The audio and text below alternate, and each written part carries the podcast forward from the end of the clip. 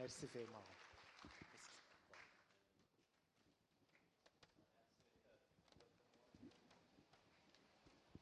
Herzlichen guten Morgen, äh, Bible Belt Schweiz. Ich komme ja aus dem Kanton Graubünden, ich komme aus dem Balkan der Schweiz, eigentlich aus dem Osten, aus dem Ostblock der Schweiz. Und für uns ist natürlich immer wieder gewaltig, hierher zu kommen, ist wie in den Garten Eden einzutreten. Es ist, es ist, es ist der Ort, wo man erzählt, bei uns, da oben hinter den sieben Bergen, dort, dort ist der Herr am Brüten und am Wirken. Und ihr sind unsere grossen Vorbilder.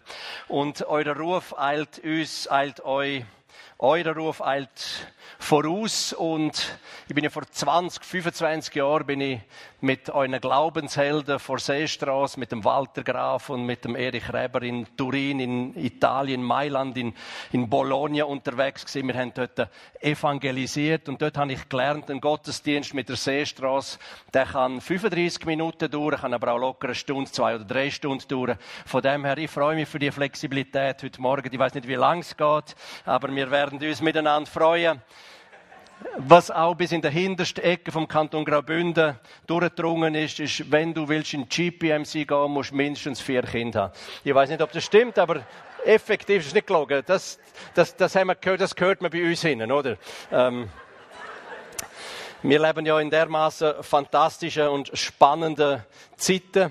Ich sage, es gibt noch nie so spannende und gute Zeiten gegeben. Schon die Bibel sagt, kaufen die Zeit aus, es ist böse Zeit. Aber ich denke dann immer, also für mich ist gar keine böse Zeit. Für mich ist die beste Zeit immer, je, seit ich Christ bin, seit 30 Jahren bin ich Christ und es hat keine bessere Zeit gegeben. Ich habe noch nie so viel Wunder, so viel Zeichen, so viel übernatürliches Wirken von Gott gesehen, und zwar auf jedem Kontinent, in jedem Land. Und wenn ich heute Morgen von Wunder und Zeichen erzähle, dann ist der Großteil von diesen Wunder und Zeichen oder die meisten, wo ich erlebt habe, die sind in der Schweiz, die sind in Europa passiert. Ich erlebe immer wieder Wunder durch AVC, Aktion Verfolgte Christen.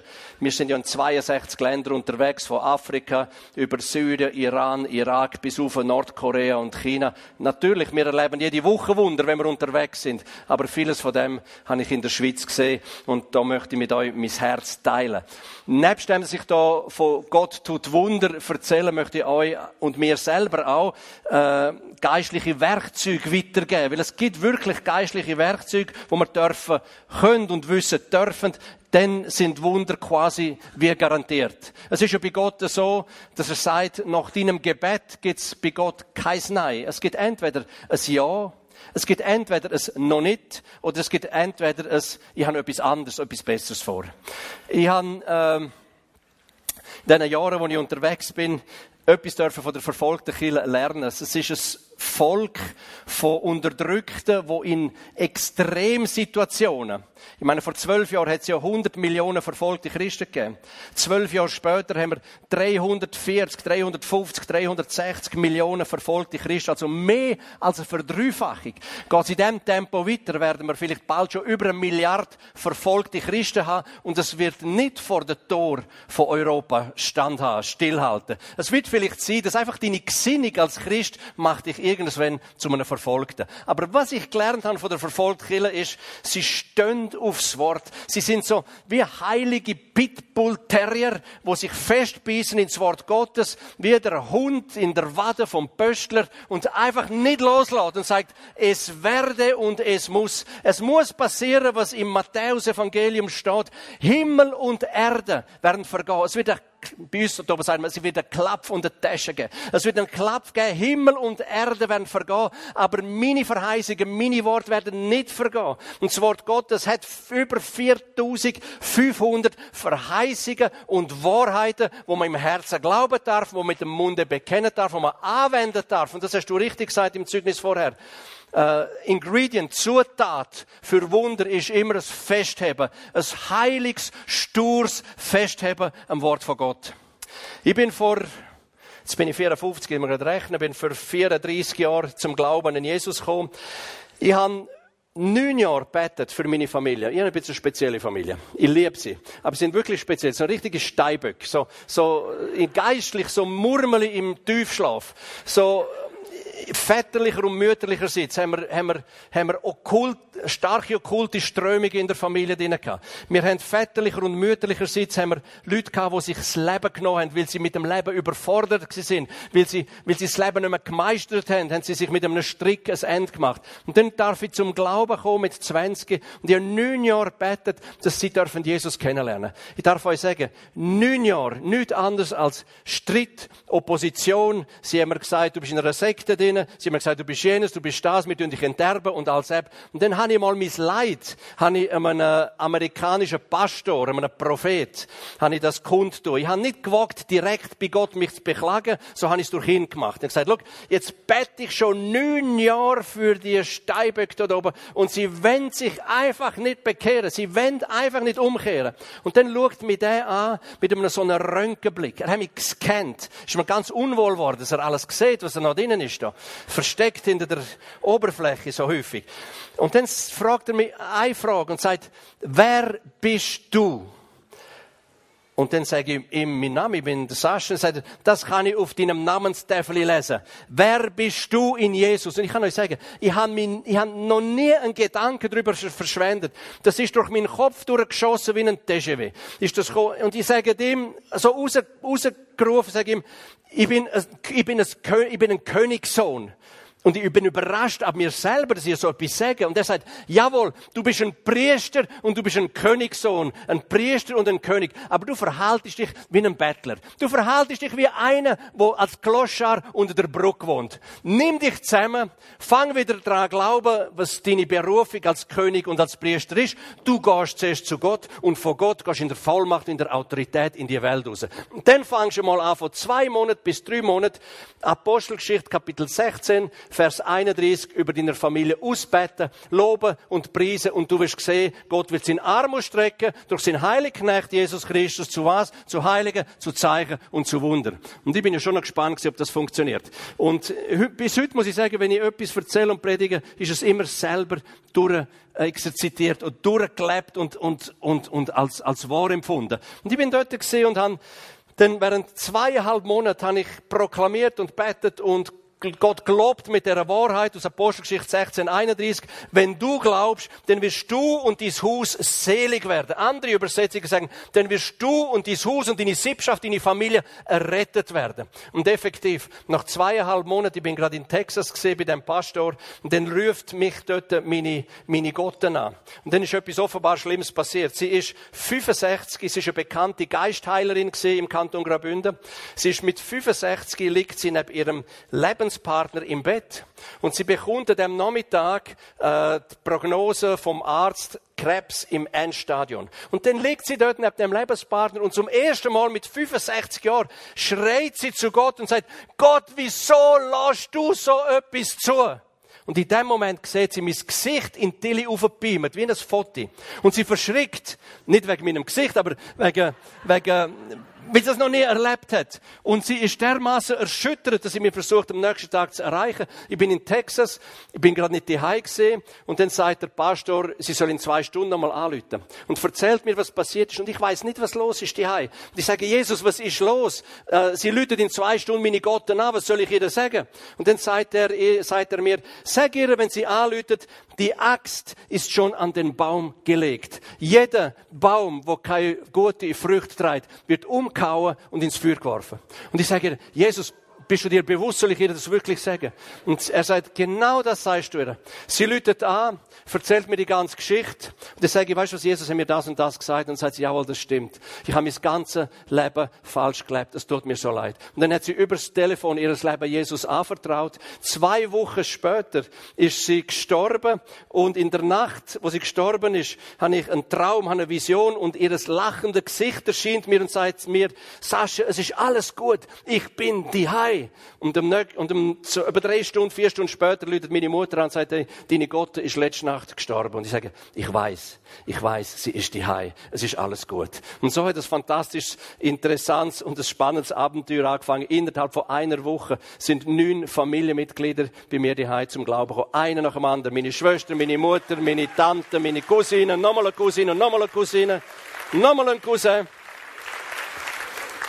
Es hat natürlich auch Opposition gegeben, massive Opposition, mit mehreren Geistheilern in der Familie, die sind mir alle gekommen und gesagt, das lassen wir nicht weiter zu. Und ich sage Ihnen, ich kann dir etwas sagen, ich werde beten. Und du wirst nicht von dem Planet abtreten, bis nicht deine Seele errettet ist, bis nicht dein Name im Buch vom Leben drin steht. Und wenn es auf dem Totenbett ist. Und effektiv, die letzten drei, die gestorben sind, haben sich dem Totenbett schlussendlich bekehrt. Es braucht ein bisschen in einer verrückten Welt, wo wir drin sind, es braucht einen heiligen, einen sturen Glauben. Es heißt im Galater Kapitel 5, Vers 6, Glaube durch Liebe gewirkt, bringt Kraft hervor, bringt Zwölf Wirken, Dynamis vom Heiligen Geist hervor. An was glauben wir? An unsere Gefühle, die Realität? Nein, wir glauben an die Wahrheit. Wo ist die Wahrheit? Wie redet Gott durch die Wahrheit zu uns? So, so redet Gott.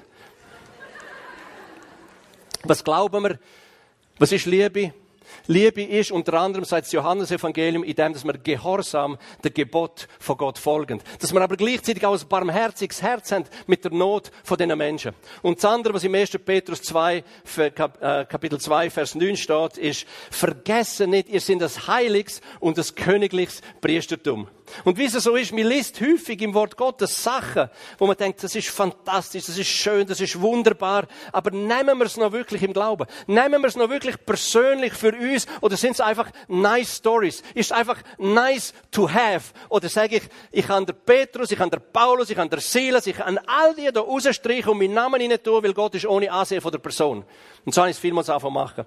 Und wenn ich sage, ich habe vor Jahren, ich meine, immer, ich hatte so fasziniert, dass Gott sagt, hey, wenn ich dir in die Augen schaue, dann bist du ein König, dann bist du eine Königin, dann bist du ein Priester, dann bist du eine Priesterin, sieg dir bewusst, mit welcher Vollmacht, mit welcher Autorität, dass du auf der Welt unterwegs bist. Ich habe das selber predigt früher. Aber da kommt so ein Moment, wo du gar nicht mehr wirklich glaubst, was da drinnen liest. Und ich bin in einer Veranstaltung, eben 300, 400 Leute im Raum drinnen. Und da ist ein Südafrikaner und der predigt über Priester und Könige sehen. Und mitten in der Predigt stoppt er und streckt mir seinen Finger auf die Brust und sagt, und auch du, vor 400 Leuten, und auch du glaubst besser wieder, was im Wort Gottes steht, dass du ein Priester und ein König für Jesus bist. Und ich komme im ersten Moment, also komme ich richtig sauer und denke, was erlaubt denn der sich da mir vor 400, 400 Leuten mich bloßstellen da und so. Und während so, ich so sauer bin, sagt mir der Herr, aber was er sagt, das stimmt. Du hast es früher, du hast es früher predigt und jetzt glaubst du es selber nicht einmal. Und dann sagt der plötzlich wieder, und wenn du das wieder von neuem glaubst, dann wird Gott dir Türen auftun zu anderen Königen und zu Staatsoberhäuptern. Das ist immer ein Freitagnachmittag gewesen. Ich habe schlussendlich Buß gesagt, Jesus, hier verstanden und bin dann heimgegangen. Am Sonntagmorgen bin ich beim grössten Volkslauf in der Schweiz, in Schampf, im Oberengadin, beim Engadin Skimarathon. Und ich stehe vor einem Zelt, vor einem grossen Zelt. Und ähm, auf dem Zelt steht VIP, VIP. Da, wo die ganz wichtigen Leute rein müssen. Und da stehe ich vorne dran und sage, Jesus, der andere, der mir gesagt hat, ich bin ein König und ich bin ein Priester, wenn ich das richtig verstanden habe, dann müsste ich jetzt eigentlich in das VIP-Zelt rein dürfen, aber ich habe kein Badge, um da reingehen. Und schon kommt die Frau vom Direktor, die sich zwei Jahre vorher bei uns bekehrt hat, nimmt mich bei der Hand, führt mich bei der Sicherheitsleute vorbei, führt mich ihnen ins Zelt, ein Nadelstreifen Anzügleute vorbei, stellt mich vor eine Gruppe Leute her und sagt, Herr Bundesrat, der Mann da, der betet jeden Tag für sie, was nicht gestummen hat. sie macht einen Schritt zurück, die Sicherheitsleute machen einen Schritt vor und dann sage ich, Herr Bundesrat, Sie sind ein Mann von Vollmacht und Autorität. Habe ich gespürt, wie die Weisheit von Gott über mich kommt. Sie sind ein Mann von Vollmacht und Autorität. Das, was Sie heute entscheiden, hat heute in unserer Schweiz und über unsere Landesgrenzen raus, hat das Einfluss. Sagen Sie mir, welcher Mensch hat so viel Weisheit, dass er mit seinen Entscheidungen von heute weiß, was morgen damit passiert? Darum bete ich für Sie, dass Sie Weisheit bekommen. Und noch habe ich zehn Minuten ihm dürfen der Heilsweg zu Jesus erklären. Ist nicht mit allem einverstanden gewesen, aber immerhin, ich einmal eine Saat können pflanzen. Und wenn ich so zum Zelt rauslaufe, tappt mir der Herr auf die Schulter und hat mir gesagt, hat er nicht gesagt, wenn du meinem Wort wieder glaubst, wie es geschrieben steht, wenn du mit deinem ganzen Herzen glaubst, dass du ein König bist, Vollmacht und Autorität hast, dann mache ich dir Türen auf, zu wem immer ich auch will. Und das gilt für mich und das gilt für dich. Wir sind Könige und Priester in Jesus. Glauben wir das, dann werden wir sehen, dass die Türen aufgehen. Könige und Priester für Christus. Etwas, was mir gefällt, ist, im Wort Gottes stöbern und die richtigen Antworten raussuchen. wenn etwas ansteht, wenn so ein Berg von der Realität da ist, wo man unter Philipper Kapitel 2, Vers 10 unter dem Namen von Jesus in Knie treibt. Und etwas, was mir gefällt, ist, wir sehen den ersten Slide, das ist die Aussage von John Wesley. Der war Wanderprediger 1703 bis 1791 und er sagt etwas ganz Wichtiges und ich glaube, das ist eine Zutat, das ist ein Werkzeug, zum real immer wieder Wunder und Zeichen und das Übernatürliche von Gott zu erleben. Das Grundbedürfnis eines jeden christlichen Herzens ist die Herrlichkeit Gottes. Was ist die Herrlichkeit Gottes? Die Herrlichkeit kann übersetzt werden als die Wohnung Gottes oder dort, wo Gott, der Allmächtige, Wohnung nimmt unter seinem Volk. Andere Übersetzungen sagen, die Herrlichkeit Gottes heißt auch das Gewicht von Gott. Philipper 2,10. Unter dem Namen von Jesus, unter der Herrlichkeit von Jesus, unter dem Gewicht von Jesus. Da muss jedes Knie sich bügen und jede Zunge bekennen, dass er der Herr ist. Und er sagt, der Wesley, wo ja 40.000 Predigten hat, wo 330.000 Kilometer auf der Ross abgeritten ist, wo x Ross durchgeritten hat, der hat müssen wissen, was schlussendlich am Ende vom Leben, auf was es wirklich drauf ankommt. Und er sagt, es ist, ihr müsst die Herrlichkeit von Gott immer wieder erleben. Ihr müsst die Herrlichkeit von Gott schmücken. Das ist wichtig.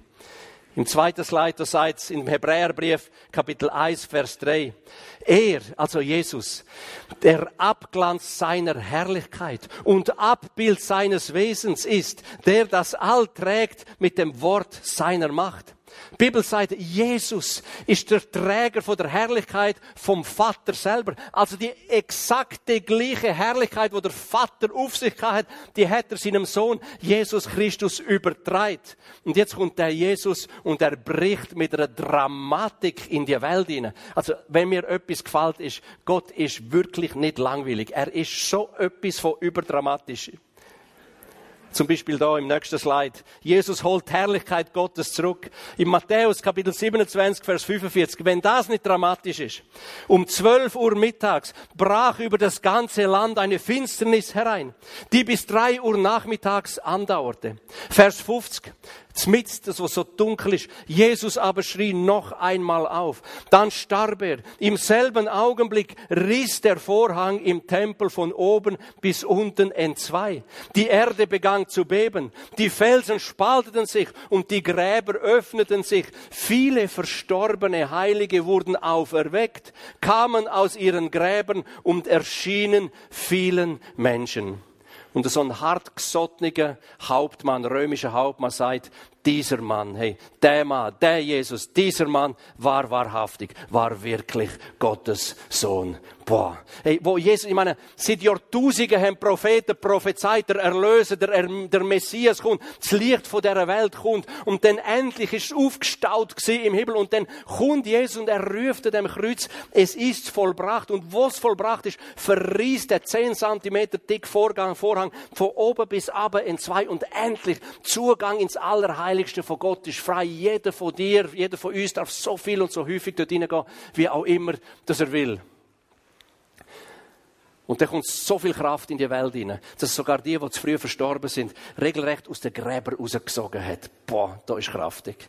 Da ist wirklich Kraft um. Ich habe vor Jahren bin ich in Teneriffa gesehen und habe mich bei Gott beschwert auf dem Liegestuhl, wieso das das letzte Gebet, das ich gemacht habe für einen neunjährigen Bub, der einen Hirntumor hatte, wieso dass der Bub jetzt nicht geheilt worden ist. Und da sage ich, Jesus, ich verstehe das nicht, ich kann das irgendwie auch nicht akzeptieren. Ich habe alles gemacht, was richtig und was theologisch korrekt ist und nach wie vor ist er nicht geheilt und ist gestorben. Ich verstehe das nicht. Und in dem Moment, wo ich so schimpfe und jammere, tappt mich meine Person, die Person neben mir an die Schulter und sagt, hey, schau mal dort in dem Pool drin. Hat das Kind einen Schnorchel an. Jetzt ist das Kind im, im Pool mit dem Kopf unter Wasser und treibt es so im Wasser und ab und zu machen sie das, zum schauen, wie lang hebt man es aus. Aber meist nicht länger als 15, 5 Sekunden, 10 Sekunden oder so. Ein Holländer, der auch gemeint hat, der Bub hat einen Schnorchel an, hat das mit der Stoppuhr gemessen und von dem Moment, wo ich ins Wasser, ins Wasser reingekumpelt bin, zum den Bub aus dem Wasser rauszuholen, sind vier Minuten Minuten vergangen. Dann habe ich angefangen, den wiederbeleben. Du hast nur noch das Weisen von den Augen gesehen. Du hast Zerbrochene gekommen, der ist ganz grau gewesen, der Stuhl ist gegangen. Und dann nach drei Minuten, vier Minuten versuchen, wiederbeleben, kommt eine Ärztin von Holland auf mich zu und sagt, gehen Sie auf die Seite, ich weiß, wie das funktioniert, ich bin Ärztin. Sie macht genau das Gleiche während drei, vier Minuten. Und irgendwann nach vier Minuten sagt sie auf Englisch, he is gone. Er ist tot. Sie können sie lassen. Und dann poppt das auf, was in Matthäus Kapitel 10, Vers 7 und 8 ist, wo Jesus sagt, hey, ich kann euch berufen, das Reich der Himmel ist herbeigekommen, gönnt und predigen die gute Nachricht von Gott, machen die Kranken gesund, die Aussätzigen rein, die Dämonisierten um Gottes Willen frei und ist jemand zu früh verstorben, holen ihn zurück ins Leben. Da sage ich, Jesus, das ist genau so eine Situation. Das ist die Realität. Der steht, der Ärztin hat gesagt, er ist tot und da ist deine Wahrheit und sagt, ich soll ihn zurück ins Leben holen. Was soll ich machen? Und dann kommt der Heilige Geist und sagt, befiehl dem Geist vom Tod zu weichen. Leg ihm Hand auf, dass die Kraft, die mich von den Toten auferweckt hat, nach drei Tagen auf den Bub kommt. Und ich kann euch sagen, es ist kein heroisches Gebet gewesen. Es ist nicht das weiss ich was für das Halamashanda gewesen. Es ist nicht irgendwie etwas von, nein, es ist ein, es ist ein, ein, ein mitleidiges, demütiges, einfaches Gebet gewesen. Jesus, tu das Wunder, bring das zurück ins Leben. Und der Bub hat wieder anfangen husten, kommt zurück ins Leben und lebt bis zum heutigen Tag. Das ist ein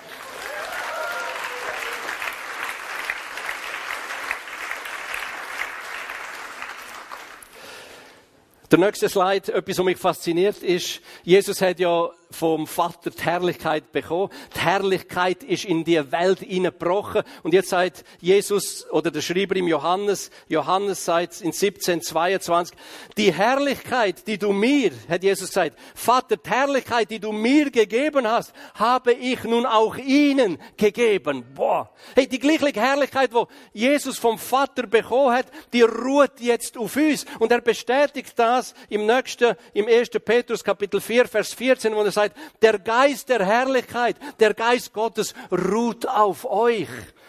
Und entweder können wir das im Herzen glauben, oder wir können denken, äh, das wäre schön zum haben, it would be nice to have. Aber etwas habe ich gelernt, wenn ich so auf dem Feld draussen bin, wo die Nöte und die Sorgen, die Berge, die Herausforderungen riesig sind. Etwas habe ich gelernt. Es gibt nichts Stärkeres als das Wort Gottes, wo kombiniert ist mit dem Glauben. Und das Wort Gottes ist schlussendlich das, wo der Berg verschwinden Entweder mit einer Proklamation oder Spatenstich um Spatenstich, bis du den Berg nicht mehr siehst. Dann geht es halt ab und zu ein bisschen länger. Aber das ist schon eine gewaltige Zusage. Bist du dir bewusst, der Geist der Herrlichkeit, der Geist Gottes ruht auf dir? Bist du dir bewusst, dass die Herrlichkeit, wo der Daddy, dem Jesus gegeben hat, schlussendlich jetzt auf dir ist. Und überall, wo du unterwegs bist, ist die Herrlichkeit von Gott auch. Und überall, wo die Herrlichkeit von Gott ist, da müssen sich Knie beugen und Zungen bekennen, dass er der Herr ist. Ich weiß, du glaubst es noch nicht ganz so, aber ich garantiere dir, äh, ich habe es dermaßen durchgetestet. Hintersche und Vordersche und von oben bis unten und unten durch, in alle Richtungen. Und äh, ich habe vor zwei Jahren äh, habe ich mir zwei Zähne rausgebissen, ein Jahr später nochmal zwei Zähne. Und dann denke ich, was ist ja los mit mir, bin ich langsam alt. Und dann äh, sagt mir meine Frau, Sascha, ich habe den Eindruck, der Herr will dir etwas sagen. Ich glaube, der Herr will dir sagen, du musst wieder ein bisschen mehr Biss fürs Evangelium haben. Okay, gut. Das trifft natürlich, wenn deine Frau dir das sagt, dann hocke ich ins Auto rein, mache das Radio an, tue das ein bisschen bewegen und dann kommt das Lied vom Gölle. Und der Gölle singt, ich hätte noch viel blöder da. Hat nichts an mir vorbeigehen lassen. Wenn ich dann schon gewusst hätte, dass ich die Zeit nicht für immer habe. Und dann redet der Heilige Geist durch den Gölle zu mir. Und dann habe ich mir überlegt, was ich früher alles blöd zu habe, wo ich noch nicht so christlich, politisch korrekt bin wie heute. Und dann habe ich mich daran erinnert, wie wir im Kanton Graubünden einmal etwas gemacht haben, um so eine esoterische, dämonische Gegenbewegung aufzuhalten. In der Zeitung, ist es voll gesehen, wie kann man mit, mit Geistern vor Unterwelt Kontakt aufnehmen? Wie kann man mit den Indianern im Tipi Friedenspfeifen rauchen? Und wie kann man mit dem grossen Manitou Kontakt aufnehmen? Wie kann man dies und jenes und das? Und sage ich meinen Leuten im Kanton Kanton Graubünden, hey, Republik Graubünden, das ist unser Kanton, das gehört uns, das gehört keinem anderen, geben wir auch keinem anderen her, wir machen eine Gegenbewegung. Dann haben wir im ganzen Kanton Graubünden, haben wir auf das ganze esoterische Zeugs, was gekommen ist, haben wir hunderte, vielleicht tausende, ich weiß es nicht mehr, hunderte auf alle Fälle Plakat gemacht mit wunderbaren, schönen, esoterischen Farben, mit schönen Federn drin und der Titel ist gesehen, ein Cree-Indianer erlebt die Heilkraft Gottes. Samstagabend, Forum im Ried, Langquart. Am Nachmittag um zwei sind Hexen gekommen, sind Zauberer gekommen, sind Leute gekommen, Tabak duschen mit uns. Eine Mutter ist gekommen mit ihren zwei kleinen Kindern und sagt, ich lasse mich regelmäßig als Medium gebrauchen vom grossen Geist. Können Sie uns heute Abend auch gebrauchen? Dann gesagt, unbedingt. Sind Sie aber rechtzeitig dabei und sitzen Sie in die erste Reihe. Wenn wir einen Aufruf machen, dass Sie auch schnell die Vorne sind. An diesem Abend sind 700 Leute gekommen. 400 Hexen, Zauberer, Schamanen, Esoteriker und über 300 kritische Christen. Es ist chaotisch gewesen. Aber schlussendlich kann ich sagen, um die Geschichte kurz zu machen, unterm Strich haben wir vier a vier Seiten voll Zeichen und Wunder gehabt. Die Herrlichkeit von Gott ist im absoluten Chaos, ist aufgekreuzt und eine 19-jährige junge Frau, ihre Mutter hat sie mitgeschleift, die hat Krebs im Endstadium gehabt, die hat kein Haar mehr auf dem Kopf gehabt, gar nichts mehr.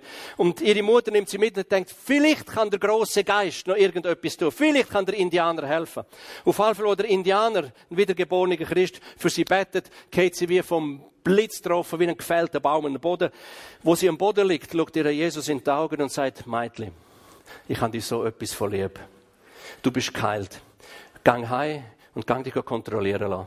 Nächste Woche ist sie gegangen, hat sich kontrollieren lassen und alle Metastasen, die überall im ganzen Körper sind, sind einfach fort gewesen. Und das ist das, was ich muss sagen. Die Herrlichkeit von Gott ist so wichtig, wenn wir sehen, wenn das Wunder passiert, müssen wir uns bewusst sein, wir sind Träger von der Herrlichkeit Gottes. Wie im Alten Testament Priester Bundeslade auf der Schulter getragen haben, so tragen wir es die Herrlichkeit Gottes in die Welt aus und wir sind das Licht in der Welt dort draussen. Aber wir müssen uns dem bewusst sein und auch dementsprechend im Glauben handeln. Im 1. Korinther 3,6, und dann bringe ich gerade ein paar Filme. 1. Korinther Kapitel 3, Vers 6, da heißt, Jesus, er hat uns fähig gemacht im neuen Bund, Diener des neuen Bundes zu sein. Ohne Bibelschule. In dem Moment von deiner neuen Geburt macht's Klapf und du bist ein Diener, ein fähiger Diener im neuen Bund. Und dann heißt ein Diener im Heiligen Geist. Und wenn wir uns vom Heiligen Geist führen und leiten lassen, wird die Herrlichkeit auf uns größer sein, als die Herrlichkeit, die auf Mose ist. Stell dir vor, wo Mose auf dem Sinai war und Freundschaft pflegt hat mit Vater, ist die Herrlichkeit so groß, dass er vom Berg oben runtergekommen ist, hat sich einen Sack über den Kopf ziehen, weil die Israeliten unten während die einen hätten ihn als Gott abbettet und die anderen wären mit Angst davor gerannt. Darum hat er sich einen Sack über den Kopf ziehen. Und die Bibel sagt, wenn wir lernen, uns vom Heiligen Geist führen lassen, wenn wir lernen, im Gehorsam unterwegs sind und das tun, was der Heilige Geist uns aufs Herz leitet, dann wird die Herrlichkeit wo auf uns ist, grösser sein als die Herrlichkeit, die auf Mose ist. Und ich möchte dir jetzt ein Herrlichkeitszeugnis laufen lassen, wo letzten Herbst da in der Nähe passiert ist und kommt eine Mutter und ein Vater von einem 13-jährigen Bub auf mich zu und sagt, heute ist Sonntag, morgen am Montag muss unser Sohn ins Inselspital in Bern eine offene Herzoperation machen. Beim nächsten Wachstumsstub wird er sterben, wenn man ihn nicht operiert. Das heißt, morgen müssen sie das Herz rausnehmen, eine Maschine anhängen, das Herz flicken, wieder zurück rein tun und hoffen, dass es funktioniert. Und wenn ich so das höre, denke ich, um Gottes Willen, Jesus, nein. Dann haben wir angefangen, einfach ein simpel, einfaches Gebet äh, sprechen, in einem Hand aufgelegt und dann am nächsten Tag kommt folgendes Zeugnis, das jetzt kannst du laut ablaufen lassen. Hallo Etti, ich habe vorhin, bin ich jetzt, also sie haben mich da schon parat gemacht und so. Und dann habe ich vorhin hier noch Untersuchungen gemacht und habe noch mein Herz gecheckt. Und dann bin ich, äh, äh, bin ich um mich hoch. Sie haben gesagt, ich da halt einfach ein neues Jacket. Dann bin ich, eine Stunde später, haben sie mir Achi gerufen und haben mir mitteilt, ich müsse nicht operieren und kann einfach hin und morgen normal in die Schule. Und, und ich finde einfach unser Gebet am, äh, am Sonntag einfach erhört worden und ja, also ich muss jetzt einfach nicht operieren und einfach genau so, wie wir dann beten, dass sie es Neues angucken und nicht sehen, oder sehen, dass man gar nicht muss, ist so passiert. Das finde ich auch schön.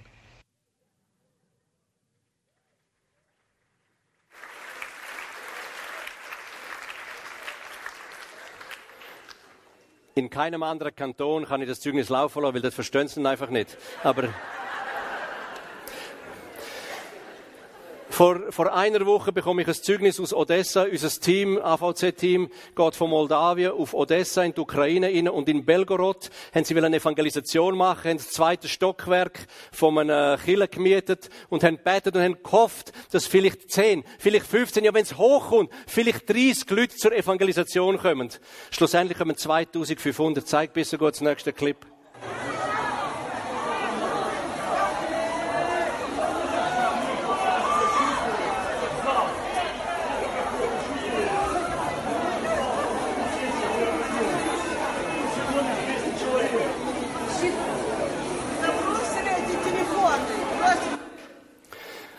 2500 Leute und 90 Prozent von denen haben beim Aufruf die Hände in die Luft gehabt. Es gibt etwas Schlimmeres als Krieg. Das ist, dass wenn jemand verloren geht für immer und ewig. Und darum hat uns Jesus in die Welt hineingestellt, zum anderen zu erzählen, wer der Christus ist. Wunderbar. 2500 Leute beten für die Ukraine, für die Russen, dass Jesus durchbricht. In einem anderen Clip haben wir Leute, die in den Untergrund, in den Keller hineingehen und dort die Leute, die Schutz suchen vor den Bomben, während dem draussen Bomben fallen, am Evangelisieren sind. Auch kurzes Clipli aus äh, Ukraine.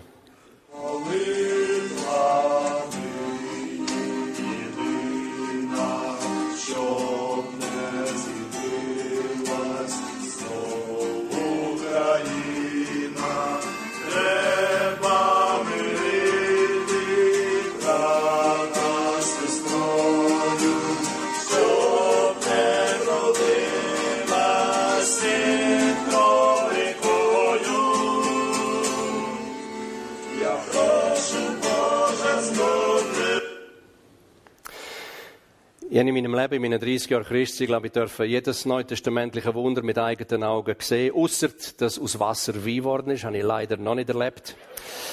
Aber äh, der Denner ist eine gute Adresse.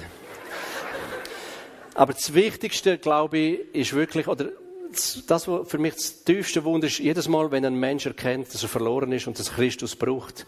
Und wir haben im Südsudan, zeigt bis so gut der nächste äh, Slide, im Südsudan haben wir einen blinden Mann der hat gesagt, ich habe dermaßen ein Anliegen, den Menschen von Jesus zu erzählen, dass er seine Brüder, seine, seine Geschwister in der Kirche müssen überzeugen, ihn in ein Auto hineinzupacken, in die Wüste vom Sudan rauszufahren, ihn dort auszusetzen und nachher heimzufahren und dann ist er einfach dort draussen und er evangelisiert als Blinde.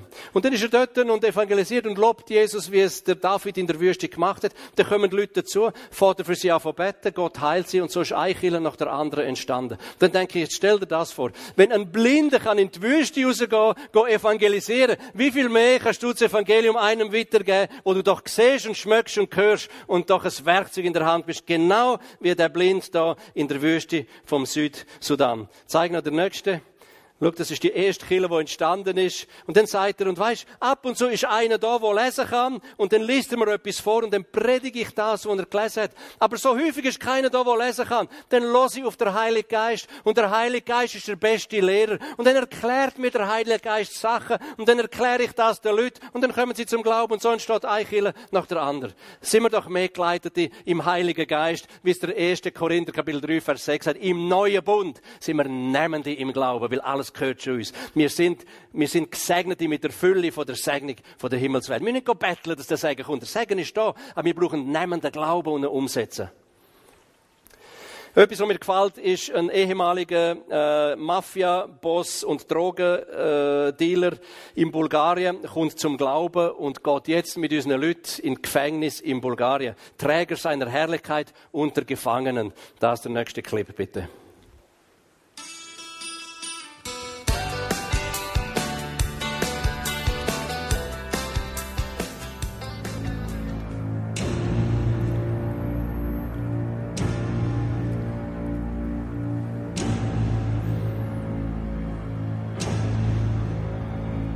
Es hat mit der Verteilung von Hilfsgütern angefangen.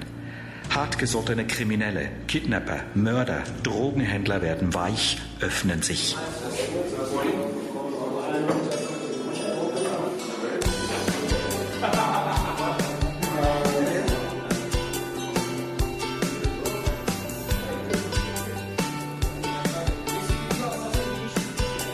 Der Leiter eines christlichen Kulturzentrums und Ali, ehemals Schwerstkrimineller, vermitteln dreimal pro Woche Hoffnung durch den christlichen Glauben. Gefangene sagen, ich spüre hier einen seltsamen Frieden. Es fällt mir schwer, an Jesus zu glauben, aber hier fühle ich mich frei. 20 berüchtigte Kriminelle, die sich im Gefängnis als Bosse aufgespielt haben, werden bereits als Leiter einer Art Gefängniszellengemeinde aufgebaut. Gefängniswärter sagen, Psychologen bemühen sich während Jahren um die Häftlinge, ohne Erfolg. Dann werden sie Christen, lernen zu vergeben und verändern sich. So kommt es, dass die Gefängniswärter jeweils höchstpersönlich im Gefängnishof das Taufbecken aufstellen. Die Häftlinge sind gefangen und doch frei. God bless you.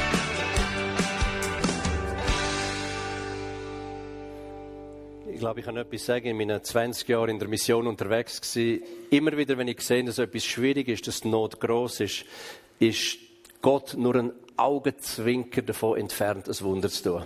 Also wenn etwas schwierig ist, dann rechne ich jeden Moment, jetzt bricht gerade Gott in und übertrumpft das mit einem Wunder und macht das, was da schiefgegangen ist, er sich einfach verherrlichen, weil er aufzeigt, dass er der Große ist. Der, äh, übrigens, der Ali Dini, das ist einer, der unterwegs war, hat gerade einen Konkurrent auslöschen, fast, fährt mit über, übersteuerter Geschwindigkeit durch Bulgarien durch, unter Drogen, unter Ecstasy, Ecstasy, unter Medikament, macht einen Unfall. Seine Freundin ist nebendran, verwacht im Spital, nimmt die Bibel für führen. Er hat, ein, er hat das Bein verloren, seine Freundin hat einen Arm verloren. Und dann liest er da drinnen, wo es steht und heißt, es ist besser, dass jemand einen Arm oder ein Bein verliert, als er seine Seele verliert. Und so hat er sich bekehrt und jetzt ist er als Evangelist unterwegs und äh, kommen viele zum Glauben durch so einen berüchtigten Typ, wo wo Gott, wo, ja, wo bewusst, wo sich bewusst worden ist, ey, wenn ich Träger vor Herrlichkeit von Gott bin, dann, dann verändert sich alles. Syrien, das Leben geht weiter, hat angefangen, zeige ich einen ganz kurzen Clip. Ähm, wo GPMC-Leute und Seestrassen-Leute für uns in Sulemania sind, hat es das Runde gezogen und man hat gehört, da sind Leute diesen Flüchtlingen helfen. Dann haben uns fünf Teenager-Mädchen einen Brief geschickt und haben gesagt, allen anderen hilft mir, aber uns hilft mir nicht. Wir würden gerne lernen, tanzen, singen und Englischunterricht haben. Würden uns helfen kommen. Dann haben wir gesagt, jawohl, wir können helfen, aber nur, wenn wir dürfen Jesus bekannt machen. Dann hat die Lagerleitung uns zurückgeschrieben und gesagt, äh, von Jesus wissen wir so gut wie nichts, ihr könnt kommen gekommen. Dann haben wir zwei Evangelisten geschickt, zum Sondieren, ob das nur Lippenbekenntnis sind oder ob das wahr ist. Und effektiv sind die Tür und Tor aufgemacht. Und aus dieser einfachen Arbeit ist nachher eine Arbeit entstanden, wo wir täglich 85.000 Leute Brot geben, wo wir medizinische Versorgung geben, wo wir die erste Kirche gestartet haben und wo viele Leute zum Glauben kommen. Im Orient, wo 1500 Jahre fürs Evangeliumszeug verschlossen war, ist durch eine kleine Aktion im Glauben, ist ein Fächer aufgegangen, wo wir jetzt nur noch staunen und, und, ja, Staunen geht weiter. Zeig doch bitte gut den kurz aus Syrien. Das Leben geht weiter. Wir sind in Syrien unterwegs. Aus Sicherheitsgründen in Begleitung eines Panzerfahrzeugs und auf Umwegen. Vorbei an zerbombten Städten wie Raqqa. Unser Ziel, Kobane an der syrisch-türkischen Grenze.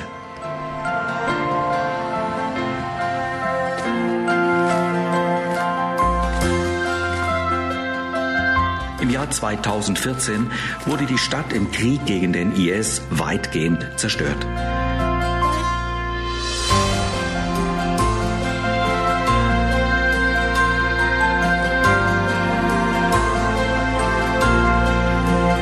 Koban ist heute im Wiederaufbau begriffen. Viele Menschen in dieser Region haben wir unterstützt, unter anderem medizinisch. Uns interessiert, was aus den Einzelnen geworden ist.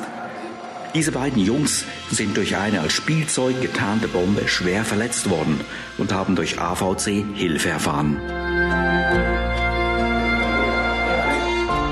You are still the God of miracles. Dieses Kind mit starken Brandnarben steht für das Schicksal von vielen anderen, die wegen der Bombenangriffe für den Rest ihres Lebens gezeichnet sind.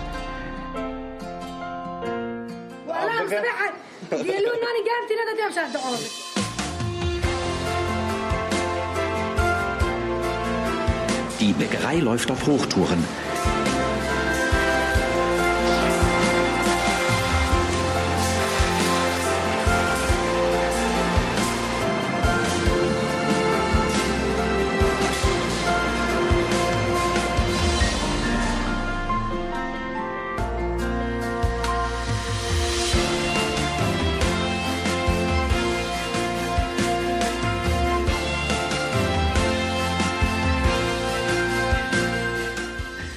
Produzieren aktuell täglich 31.000 Brote und versorgen Hunderte von Familien mit Brot in Kobane und Umgebung.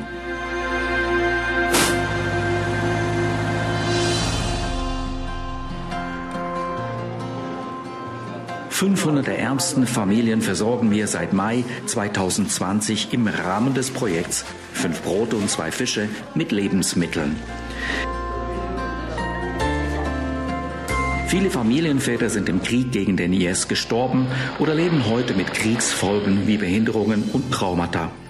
Ohne diese Lebensmittelhilfe könnten deren Familien kaum überleben.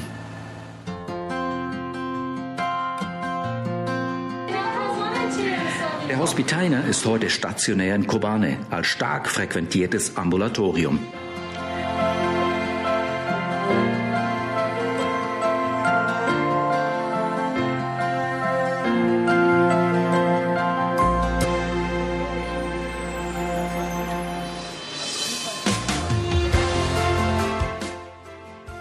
Außerhalb von Kobane wird in Anwesenheit der Stadtprominenz eine Dialyseklinik eingeweiht. Sie wurde von einer holländischen Firma gespendet. Ich bin sehr glücklich, dass wir das Dialysecenter von Kobane einweihen können. Nicht nur die körperlichen Bedürfnisse werden gestellt. Jesus Christus berührt auch eure Herzen und Seelen.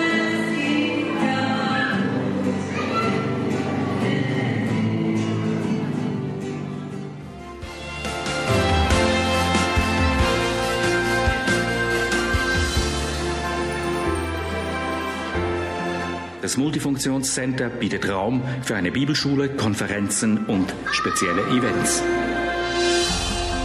Viele Einwohner des Landes betätigen sich in der Schafzucht. Wir planen Milchverarbeitungszentren, um Einheimischen zu einem Einkommen zu verhelfen. AVC hat im Zentrum von Kobane ein Grundstück zum Bau einer Kirche erhalten. Mit der Auflage, den Turm so hoch hinaufragen zu lassen, dass er bis weit über die Grenze ins Nachbarland hinein zu sehen ist.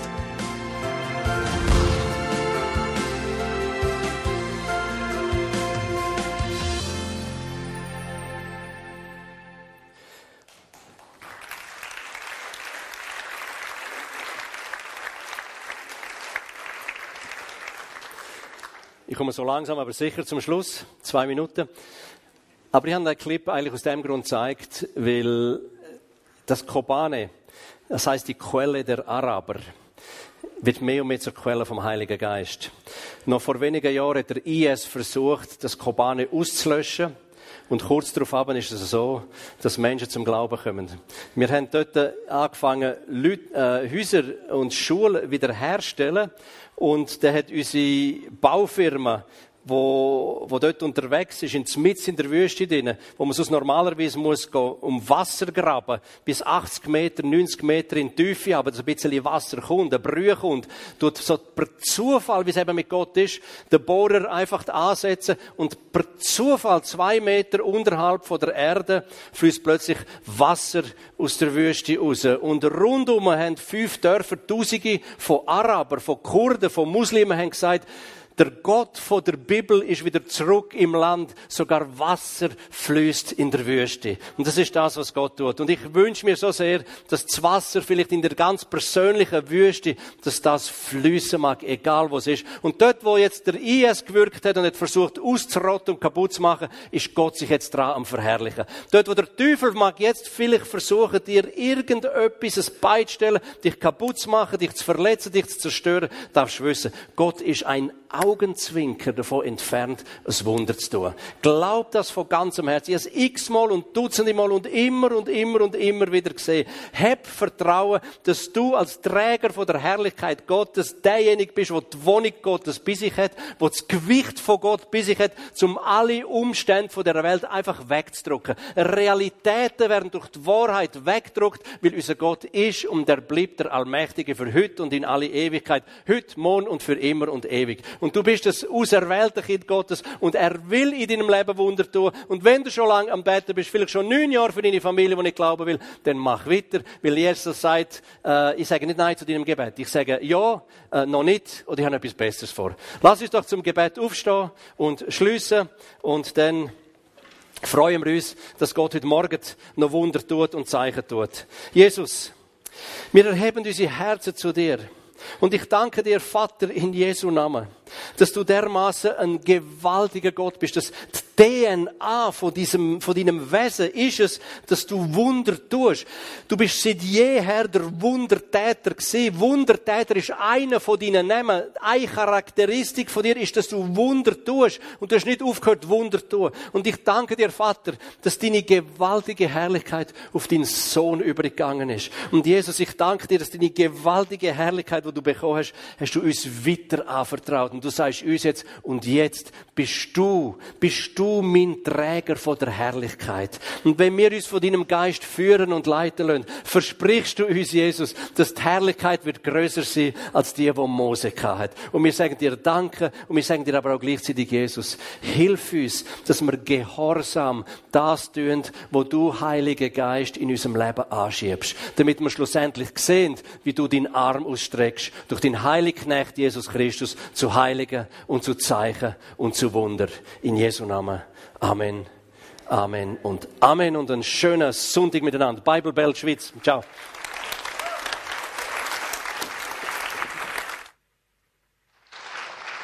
Amen. Und wir schließen uns dem an und wir lassen uns die Zeit nicht wegnehmen. Ich bitte euch schon jetzt um Verständnis, aber wir möchten nicht kürzen. Wenn Gott wirken will, dann will er wirken. Und wir wollen heuschen, was heute zu heuschen gibt.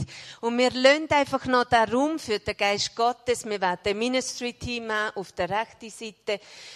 Nehmt das in Anspruch. Wir wollen noch in dieser Gegenwart Gottes. In dieser Gegenwart ist alles möglich. Das glauben wir. Da stehen wir her. Manchmal wirkt er ganz anders als das, was wir uns vorstellen, aber er ist da. Der Heilige Geist ist da. Wir, ich hoffe, ihr kommt mit. Ich habe gerade der Band gesagt, wir lassen uns das nicht nehmen. Das ist jetzt wichtig, dass wir dem Raum geben. Gott, dir alle Ehre.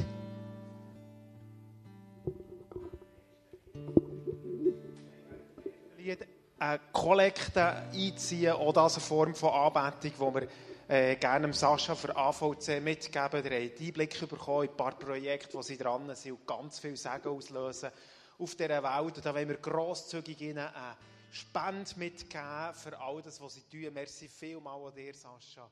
Sie brauchen das.